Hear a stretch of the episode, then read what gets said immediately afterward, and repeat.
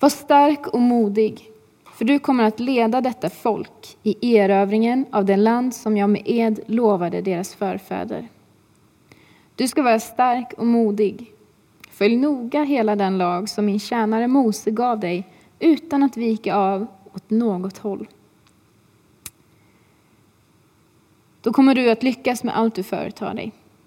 Tala ständigt om denna bok och tänk själv på den både dag och natt så att du noga följer allt som står skrivet i den. Det är bara då som du kommer att lyckas och ha framgång. Jag har ju befallt dig att vara stark och modig. Bli aldrig rädd eller förskräckt. Herren din Gud ska vara med dig vart du än går. Jag läste ur Nu-bibeln och texten som kom upp var från Folkbibeln. Och jag gillar de båda översättningarna, så ni fick båda två. Ehm, det här blir nyckelversen. Jag kommer återkomma mer till den längre fram. Men lite bakgrund först till Josua och Josua bok. Är att Josua han var en av militärledarna under Mose tid. Mose var ju den som fick vara med och föra ut Guds folk som var slavar i Egypten ut i frihet. Ehm, Många år i ökentid för att sedan få komma in i det förlovade landet Kanaan. Och Mose har nu avslutat sitt jordeliv och Josua är den som ska få ta över. Och nu är han inte 20 år som man trodde att han var ungefär när han fick börja sin resa med Mose, utan 70 år. Och Guds folk de var i en slags exil kan man säga. I vår hemgrupp eh, senast så hade vi ett litet bibelstudie och eh, undersökte den här saken, exil, vad är det för någonting egentligen? Och man skulle kunna säga att exil är motsatsen till hem. Och ett hem, det refererar vi ofta till ett hus eller en lägenhet, en plats där vi trivs. Men det kan också vara en plats här inom oss, eh, där vi känner att vi trivs, eller ett sammanhang där vi känner hemkänsla. När man kommer in i vår kyrka så har vi en ehm, banderoll där det står Välkommen hem.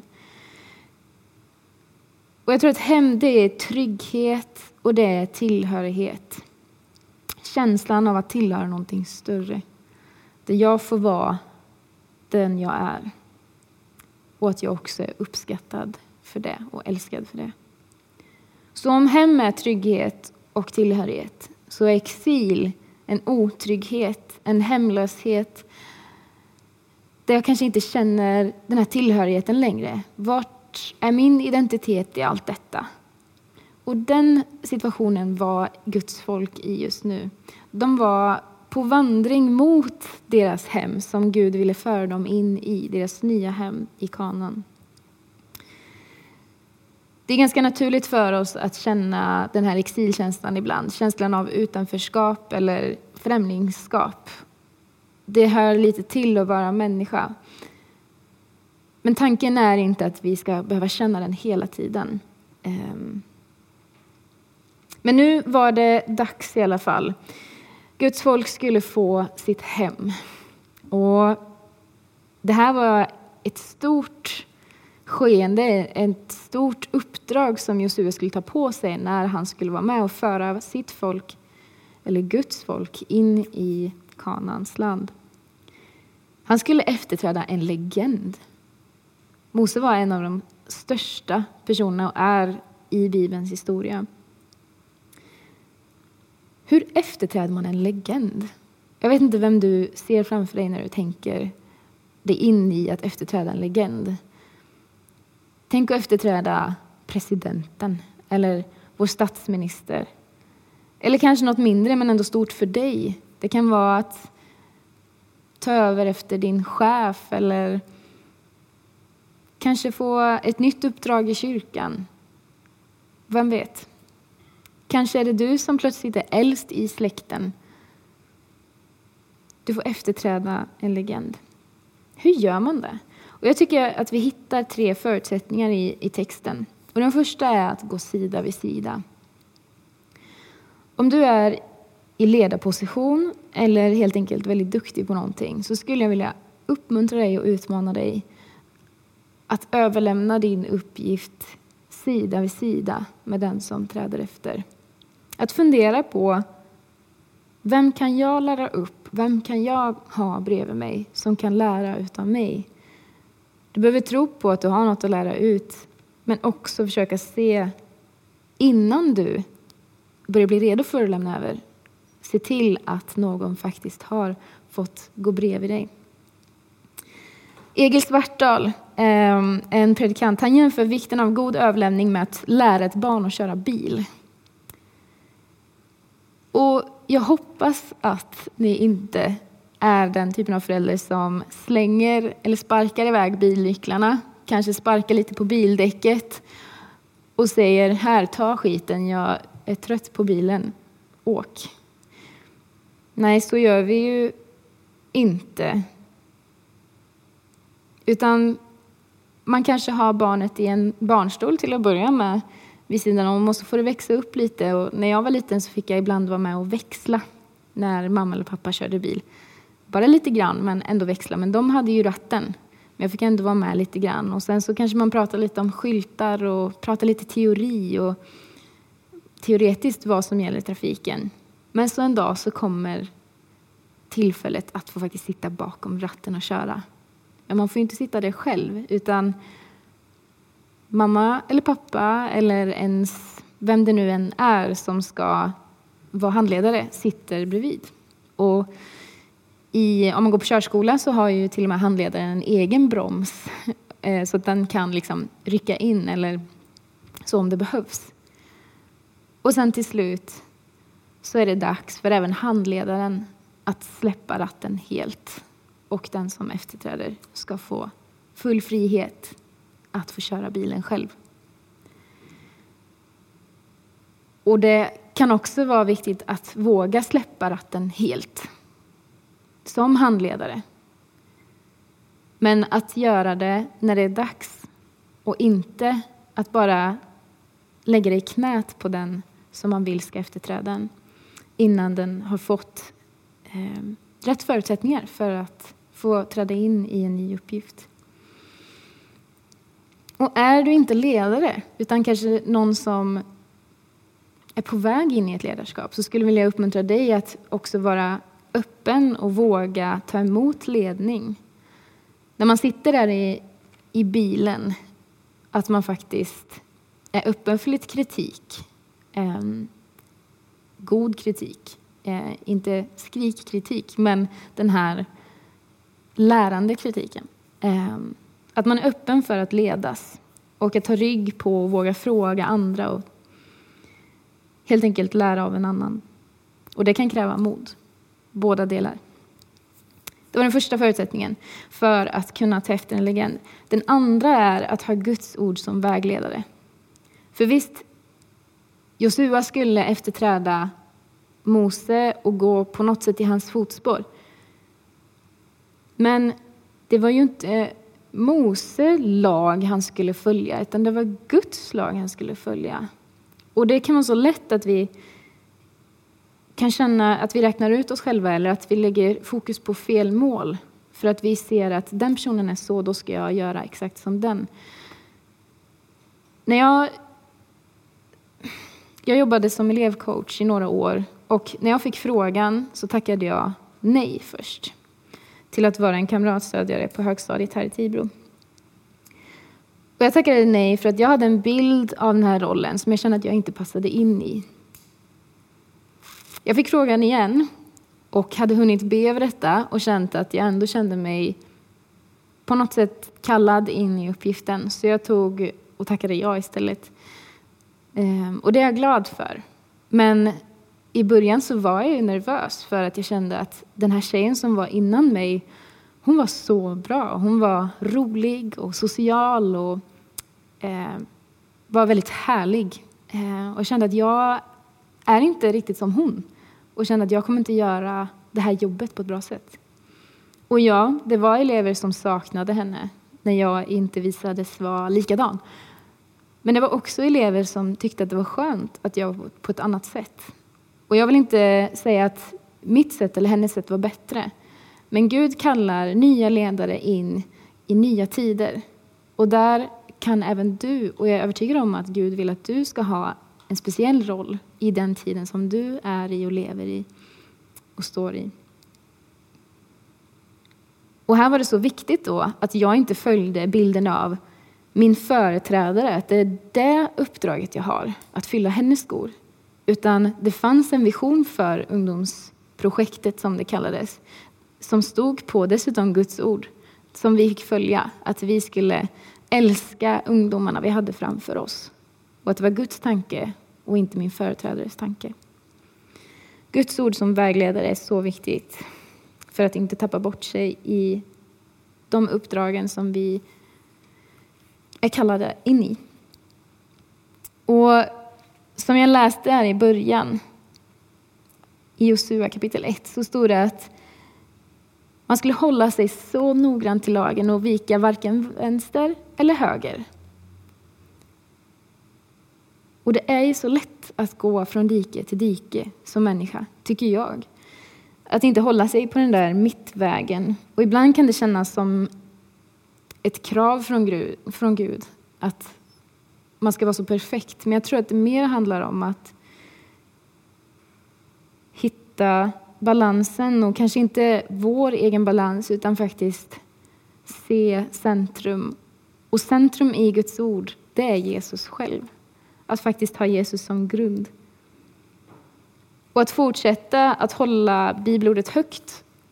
För jag tror att när vi hamnar i de här dikarna att vi kanske faktiskt har börjat slira åt vänster eller höger och börjar fila på dem och börjar använda dem till mitt egna syfte istället. Eller min egna önskan om vad jag vill för mitt egna bästa. Och så kanske vi pekar på, ja men det är Bibeln. Fast egentligen så har vi dragit det alldeles för långt till extremer där det inte längre handlar om Bibeln utan det handlar om någonting annat. Så att faktiskt försöka hålla Bibeln högt och i centrum där Jesus är den som ytterst sett visar oss vad det innebär. Och det stod om att då ska vi få framgång. Och det här med framgång kan jag tycka är ett så luddigt begrepp ibland. Vad är framgång egentligen? Och jag tror att den framgång som Gud talar om här i att om vi följer honom så får vi framgång, så handlar det inte om materiella ting. Vi kan få materiella ting när vi följer Gud. För han har på något sätt, det finns så mycket bara praktiska uppmaningar som följer vi det här så är det bara orsak och verkan på något sätt.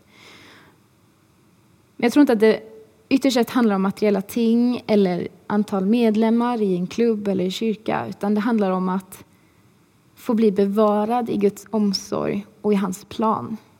Att följ det här så kommer du hålla dig till min plan och det är välsignat och det är gott. Oavsett om du ser de exakta resultat som du önskar så kommer du vara i Guds goda plan.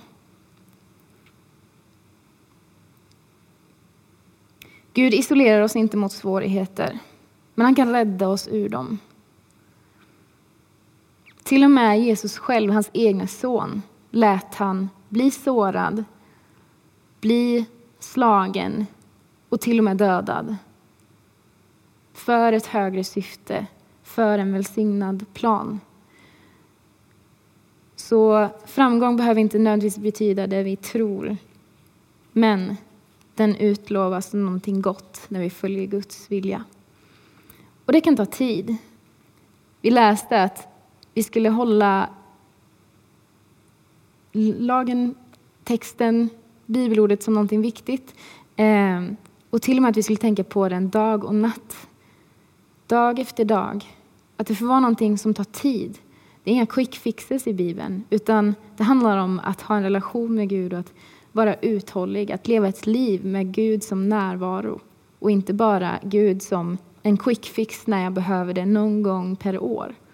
Utan att det får vara en ständig relation med honom där han får ge oss liv, där han får göra sitt långsamma men uthålliga verk i oss. Det tredje som man behöver i en sån här övergång, en överlämning, det tror jag är mod. Gud själv säger, jag ska aldrig överge dig eller svika dig. Var stark och modig. Och han upprepar det flera gånger genom min bok. Och vad är mod egentligen? Jag har läst runt, lyssnat runt, kollat lite på detta och det jag landar i på något sätt är att mod är tro. Tro, jag vill känna tro. Tro på att jag klarar det. Tro på att det är en bra plan. Tro på att det går att genomföra. Det är också en risk. I eh, Wikipedia eh, så finns det en eh, en text om vad mod är. Det står så här. En modig person handlar i överensstämmelse med sina övertygelser och önskningar, även vid risk för negativa konsekvenser för en själv. Jag tror inte det är det vi brukar tänka på, att det faktiskt kan vara någonting som kan innebära negativa konsekvenser för oss själva. För vi, ofta upplyfter vi mod som någonting gott, och det är det fortfarande. Men det kräver också ett visst risktagande. Och tro och mod handlar inte om att vi inte känner någon rädsla. Vi uppmanas att inte känna rädsla. Men mod förutsätter att vi är rädda för någonting så att vi kan övervinna den rädslan. Då är vi modiga. När vi känner rädsla men ändå gör det vi tror är rätt. Och mod är därför inte heller en känsla, utan det kan vara ett beslut. Att du beslutar dig för att jag är livrädd, men jag gör det ändå. Därför är mod till för oss alla och det finns tillgängligt för oss alla. Gud befaller till och med Josua att vara modig. Var modig, jag har ju sagt, var modig. Och mod är olika för olika personer. För mig är det inte, det kräver inte så mycket mod för mig att prata på scen. Men det kan kräva mod för mig att berätta hur jag känner på scen. Eller vad jag brottas med på scen. Mod för mig är att berätta vad jag är ledsen för. För en annan kanske mod är att ta en mick och stå på scen. Vi är olika där, för vi är rädda för olika saker. Men Gud uppmanar oss att vara modiga. Han uppmanar oss också att vara starka. Det hebreiska ordet som jag inte kan uttala, men det heter någonting, chazak, handlar om att vara inte stark, att nu måste jag gå och pumpa på gymmet, utan det handlar om att vara beslutsam, att kunna stå fast och att vara trygg. Så Gud uppmanar oss till att vara modiga och starka, att våga stå fast när vi känner att vi vill rymma därifrån. När vi blir rädda så är det enligt vetenskap en naturlig reaktion att antingen vilja fly eller fightas.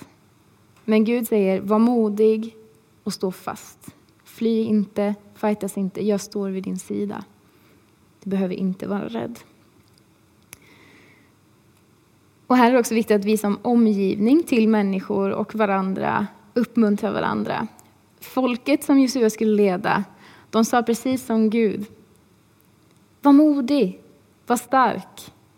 Vi följer dig. Kör hårt. Vi står vid din sida. Samma som också Mose sa innan han dog till Josua. Var modig, var stark. De visste att det behövdes, att vi uppmuntrar varandra och påminner varandra om att vi behöver vara modiga och starka.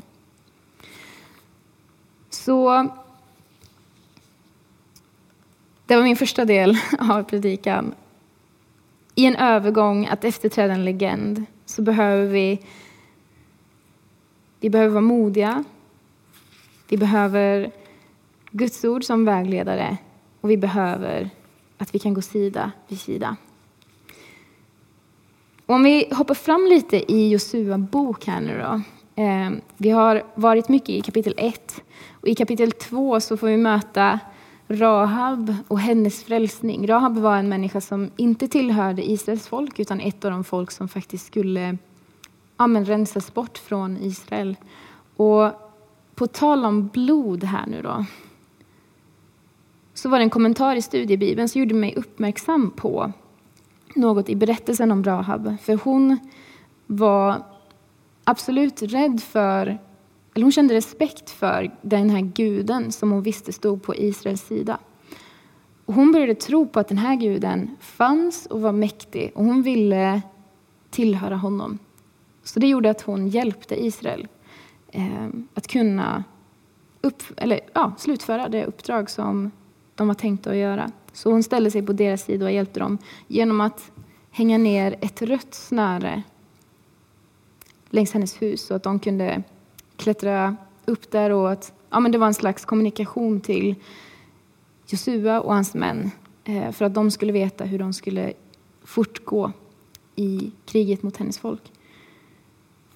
Ett rött snöre hängde hon ner och det påminner om uttåget ur Egypten och hur slavarna fick stryka det röda blodet på deras dörrposter för att Guds ängel, dödsängel, skulle gå förbi och rädda dem. På samma sätt så skulle det här röda snöret berätta om att här bor Rahab och Gud ska rädda henne, så ni får inte gå in och ta deras hem. Så Josua och hans män gick förbi när det här röda snöret hängde utanför. Genom tron undgick eh, den prostituerade kvinnan Rahab att gå under tillsammans med de som inte trodde. Hebreerbrevet 11 och 31. Redan här får vi en förebild av hur frälsningen går till. Fortsätter vi i kapitel 3 så hittar vi en berättelse om hur Guds folk för andra gången får korsa ett vattendrag som de annars inte hade kunnat ta sig över. De korsar Jordan. Ehm, och även det här är en bild av inte bara frälsningen men också dopet. För de har varit slavar och de har varit hemlösa, men nu ska de få ett nytt liv, en ny identitet som Guds folk. Och för att göra det så behöver de lämna det gamla bakom sig. Och just att gå genom vatten, som är en så stark bild som vi också använder oss av när vi sänker människan i vatten och så upp igen när man döper sig. Det finns även här. Och en viktig poäng i den här berättelsen är att när de ska gå över Jordan så ska prästerna gå först och de ska ha arken med sig. Och arken var ju Guds närvaro liksom personifierad på något sätt. Och det var först när Guds ark kom ner i vattnet som vattnet särade på sig och Guds folk kunde gå igenom.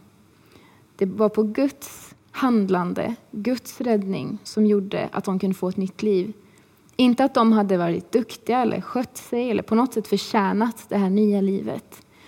För sanningen var att det här slavfolket som hade kommit ut ur Egypten, de hade betett sig så illa i öknen. De hade vänt Gud ryggen gång på gång på gång. Så det handlade inte om att de var duktiga och nu förtjänade ett nytt liv. Utan det var Guds godhet. Att de nu fick tillträde till ett nytt liv. De hade aldrig gått den här vägen förut. Men följ arken så vet ni var ni ska gå, säger Josua, texten. Det kommer vara många tillfällen där vi aldrig har gått en väg förut. Men om vi följer Guds närvaro och hans vilja med våra liv så kommer vi vara trygga. Då kan vi liksom veta att okej, okay, jag vet inte hur framtiden ser ut, men jag kommer ändå vara i Guds händer. Vi spolar framåt lite till kapitel 4 där de också reser stenar som ett minne till den här händelsen som har varit precis. Och det är en bild av hur viktigt det är att faktiskt minnas vad Gud gör i våra liv. I första Korinthierbrevet 1 och 26 så säger Paulus till församlingen att tänk på hur det var när ni blev kallade. Kom ihåg hur det var när du blev kallad. Vi var inte mycket för världen, men Gud valde det svaga för hans plan. Inte det starka, det svaga valde han. Det oväntade, den som inte kände sig vara någonting, det valde han. För att en människa inte ska kunna berömma sig, utan för att det är tack vare Jesus Kristus som vi står där vi är idag. Och vi behöver påminna oss om det. För det var när folket glömde av vad Gud hade gjort för dem som de började vända honom ryggen. Vi behöver fortsätta påminna oss om vad Gud har gjort för oss i våra liv. Nu kommer vi till sårbarheten. Kapitel 5. Josua möter Gud. Jag läser ur kapitel 5 och vers 13 till 15. När Josua var vid Jeriko fick han se en man med draget svärd framför sig. Josua gick fram till honom och frågade, tillhör du oss eller våra fiender? Han svarade, nej, jag är befälhavare över Herrens här. Över Herrens här. Josua föll då ner med ansiktet mot marken i stor vördnad och sa, Herre, vad har du för budskap åt mig? Och han svarade, ta av dig skorna, sa befälhavaren för Herrens här, för platsen du står på är helig mark. Och Josua gjorde så. Det här är en text som påminner oss väldigt mycket om Moses upplevelse med den brinnande busken, där han får komma in på helig mark. Och det är en speciell berättelse. Jag gillade verkligen det här stycket. Han möter en man med lyft svärd. Det betyder att han är redo till strid. Ehm, någon har kommit för att kunna strida. Och Josua undrar, är du fiende eller är du på vår sida? Men han säger, nej, jag tillhör Herrens här. En annan översättning berättar om hur det här nej också kan betyda han. Eller hur var det nu? Något annat kan det betyda.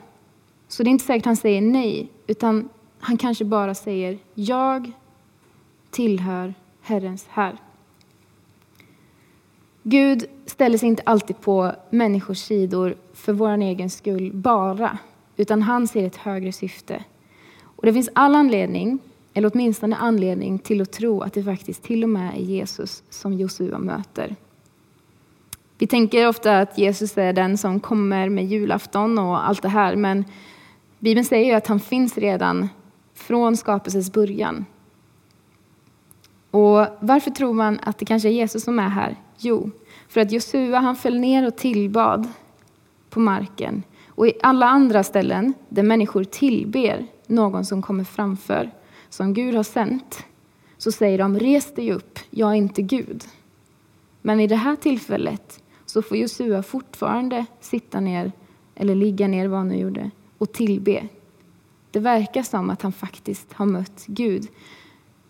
Men också många andra ställen i Bibeln så kan inte människor möta Gud utan att förgås, för att han är för helig. Däremot så kan människor möta Jesus, för Jesus tar alltid en gestalt som visar vem Gud är, men som också människor kan möta utan att förgås. Så därför finns det anledning att tro att Josua faktiskt möter Jesus själv här.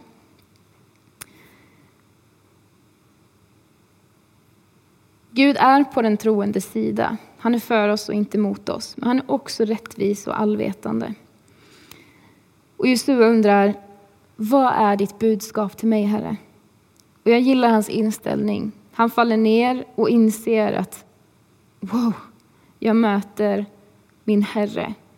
Och han har en förväntan om att Gud ska tala till honom. Han sitter inte bara där utan frågar också, vad har du för budskap till mig? Och så bekänner han också. Vad har du, Herre, för budskap till mig? Han bekänner vem som är hans Herre i sitt liv.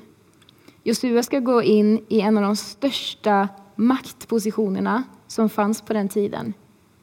Och då tror jag att det var viktigt att Josua fick möta Jesus och igen få bekänna att det är du som är Herre. Det är inte jag som är Herre i mitt liv. Han kommer ha en jättestor maktposition. Då behövde det vara viktigt att få rätta till det här. Vem är Herre? Vem är det som faktiskt gör skillnad här? Och att Josua får bekänna att jag är din tjänare. En viktig bekännelse inför ett så mäktigt uppdrag. Och så säger den vi tror är Jesus att ta av dig skorna, du går in på helig mark en helig mark, en avskild mark, avsett för någonting speciellt. Något som ger Jesua respekt. Respekt att inte bara klampa på och klampa vidare utan faktiskt stanna upp och reflektera. Vad är jag på väg in i? Vad vill Gud att jag ska göra i detta? Vad är min relation i detta till uppgiften och till Herren? Att ta av sig skorna och vara barfota. Man kan inte bara klampa på där det är grusigt om man är barfota, utan man är sårbar också. Josua får komma in i en sårbarhet där han blir beroende av sin Gud och sin far. Och Det här är så viktigt också, tror jag, att han får på något sätt klä av sig det hårda och få bli sårbar inför Herren. Att vara, ha nakna fötter, att vara sårbar och hämta tro och mod ur det. För Gud sa ju, jag är på din sida, jag kommer aldrig lämna dig. Och jag tror att för att vara modiga nog att vara sårbara så behöver vi känna att vi faktiskt har stöd, att vi är älskade, att vi inte är ensamma. Då kan vi finna modet att också vara sårbara. Brené Brown har skrivit några böcker och hon har forskat väldigt mycket om sårbarhet och hon säger så här, det är så bra. Att döva sårbarheten är särskilt hämmande eftersom det inte bara stänger ute smärtan i våra jobbiga upplevelser utan också dämpar vår upplevelse av kärlek, glädje, samhörighet, kreativitet och medkänsla.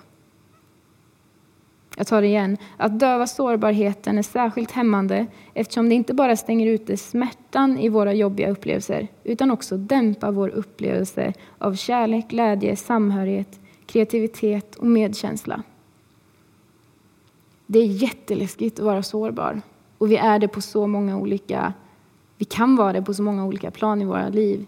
I relationer, på vårt jobb. Överallt finns det platser att vara sårbar på. Och vi vill gärna döva den sårbarheten, för det är så utlämnande.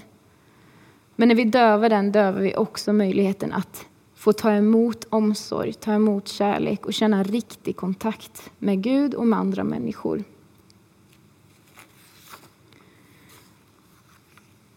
Rahab som jag pratade om, hon var modig för hon hade en tro, hon tog en risk. Hon hade även omsorg för andra. Och hon blev välsignad tillbaka. När hon visade, så, visade sig sårbar så fick hon också välsignelsen tillbaka. Hon fick vänner och hon blev räddad ur den situation hon var i. Så börjar vi närma oss slutet, för nu är jag också inne på den sista delen av min överskrift som jag hade, blod. Kapitel 6 till 13 i Josua bok handlar mycket om krigsföring och märkliga under. Och jag funderade på om det blir för långt, och det kanske blir att ta med detta, men jag vill ändå nämna det någonting. För det är någonting som vi, många av oss har väldigt svårt för. Hur Gud kan på något sätt stå bakom krig.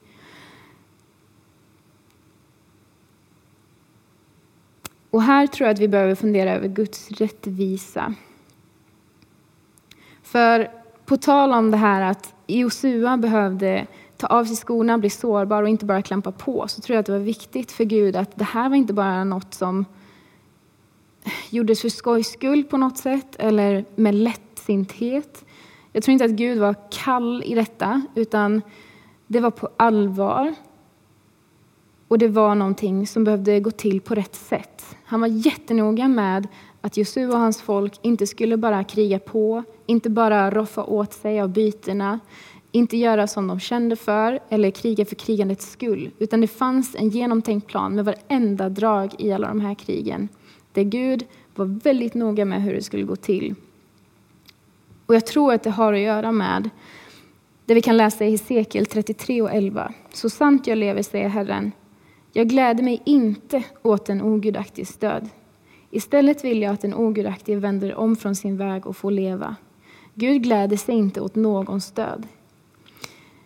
Men om man studerar lite kring de här texterna och sammanhangen runt omkring så kan man eh, läsa och förstå hur de här krigen inte bara var ett sätt för Israels folk att få ett hem, utan också ett sätt för Gud att bringa rättvisa där ondska hade skett. För de här folken hade haft många avgudar som inte bara var liksom en tro bland andra, utan också hade lett till hemska beteenden där man offrar barn och hade väldigt omoralisk eh, livsstil helt enkelt. Så det var ett sätt för Gud att kombinera två världar. Att delvis ge israeliterna ett hem, men också att faktiskt ge ett straff till de folk som hade utövat stor ondska. Och han gör det inte med lätthet. Men en rättvis Gud, en kärleksfull Gud, kan heller inte se liksom mellan fingrarna på ondska och orättfärdighet. Vi kan vara trygga, och jag kommer till det alldeles strax. Ehm, för Gud har lovat att domen inte längre ska utkrävas på plats, som det kanske hände här och då, utan nu kommer vi få vänta till att Jesus och Gud själv kräver domen senare. Och här finns också en detalj i detta, att Josua och hans folk får ställa sig på två berg. Där det ena berget, där ska det läsas upp en välsignelse och på det andra berget ska det läsas upp en förbannelse över den ondska som sker. Men på det berget där det läses upp en förbannelse så ska de också upprätta ett offeraltare där de får offra ett gemenskapsoffer. Och det är ett gemenskapsoffer som, där man får närhet med Gud igen, man får försoning med Gud. Och jag tycker att det är en stark bild på att där det finns förbannelse, där erbjuder Gud ett offer för försoning igen. Och det talar så starkt om Jesus försoningsoffer, där han fick hängas på ett kors. Ehm, I Gamla testamentet står det att den som hänger på trä är förbannad. Så Jesus får hänga på en, en förbannad plats för att bringa försoning till den som vill tro på det. På samma sätt skapar Gud även här möjlighet för människor att försonas med honom själv mitt i förbannelsen.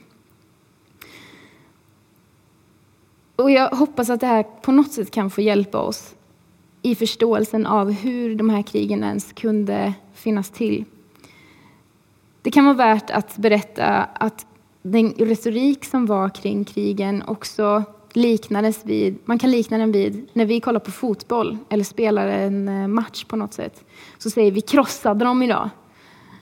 Men det är ju inte så att vi krossar de vi spelar mot ordagrant, utan det är ett bildspråk vi använder. Och när man kollar på texterna runt omkring de här krigen så ser vi att ena stunden kanske de säger att eh, vi utrotar det här folket nu och att vi ska utrota det här folket. Men i andra stunden, eller lite längre fram, så kan vi läsa hur de möter människorna fortfarande. Att människor fortfarande finns kvar, de lever, de bor i hem. Och att man får försöka urskilja vad som är retorik och vad som är verklighet. Och mitt i allt detta så visar Gud sin trofasthet trots misslyckanden, trots eh, omoraliskt levande. Att han hela tiden ger människor chans att vända om till honom, vända tillbaka. Faktiskt få en ny chans. Kapitel 14 och 23 så börjar de fördela upp landen mellan de här olika folkslagen som Israel bestod av. Kvinnors röster och rättigheter lyftes. Man upprättade tillflyktsstäder för trygga rättssystem.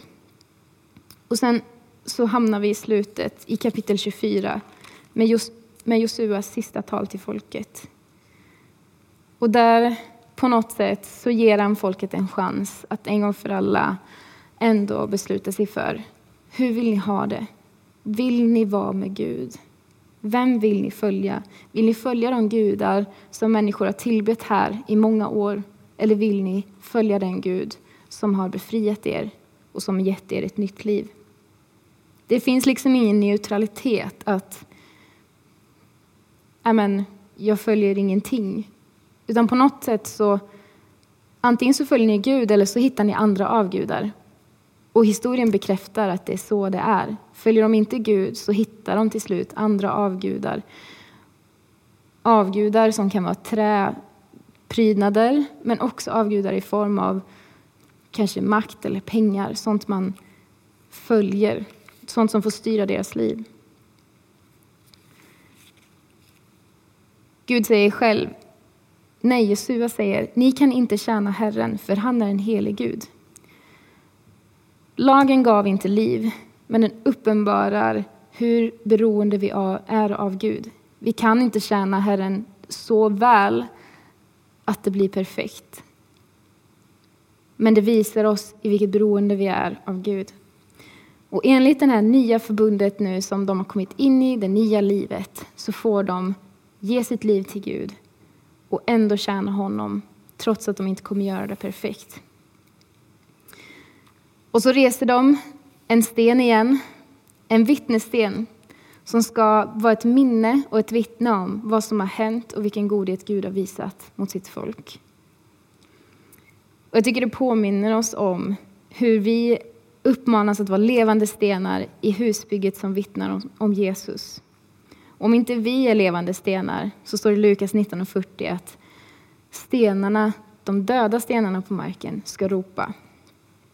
Kom till honom den levande stenen som visserligen är förkastad av människor men är utvald och dyrbar inför Gud och låt er själva som levande stenar byggas upp till ett andligt hus, ett heligt prästerskap som ska frambära andliga offer som Gud tack vare Jesus Kristus tar emot med glädje.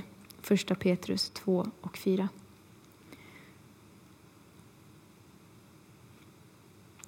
Vad är det som ger dig hemkänsla? Till vilken Gud, Gud, vänder du dig? Får Gud vara ditt hem, din trygghet, din tillhörighet? Eller i sådana här tider, vad vänder du till? När tryggheten kanske falnar lite grann, när den känns långt borta. Finns det någon avgud du behöver göra dig av med? Finns det något du behöver lämna dig bakom? Vad är mod för dig? Och vad hindrar dig från att vara sårbar? Kanske behöver du få uppleva hur Gud står vid din sida, hur han älskar dig och han ger dig en identitet där du får tillhöra honom som hans barn så att du också kan börja våga vara sårbar igen och få mod att gå in i de äventyr och de uppgifter som Gud har för dig. För han reser ledare i vår tid. Och han, han reser människor och upprättar människors hjärtan i vår tid. Hur vill du ha det med Gud? Jag tror att Gud har äventyr för oss alla. Och jag tror att han undrar om du vill anta utmaningen. Var modig och stark. Gud vill stå vid din sida. Vi ber tillsammans.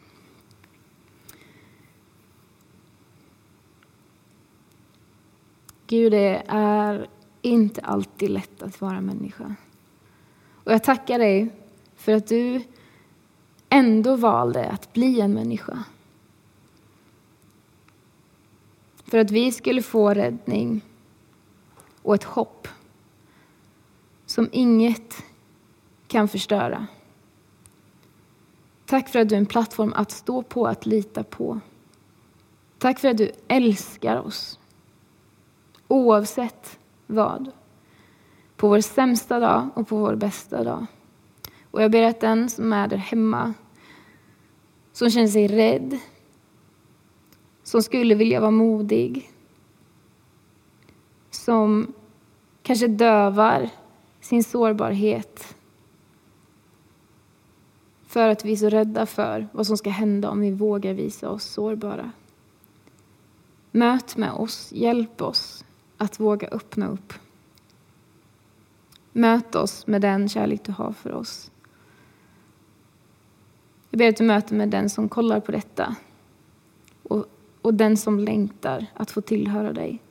Tack för att du inte avvisar någon som vill komma in till dig, utan du längtar efter oss var och en.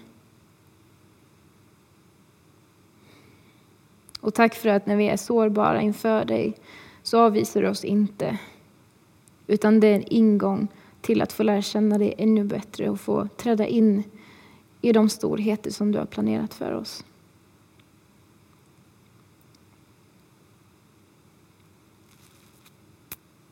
Ja, Jesus, när vi lämnar våra liv till dig, så låt det få bli till din ära. Vi vill lita på att du är den som vet, du är den som har det bästa för oss. Jag tackar dig, Herre. Amen.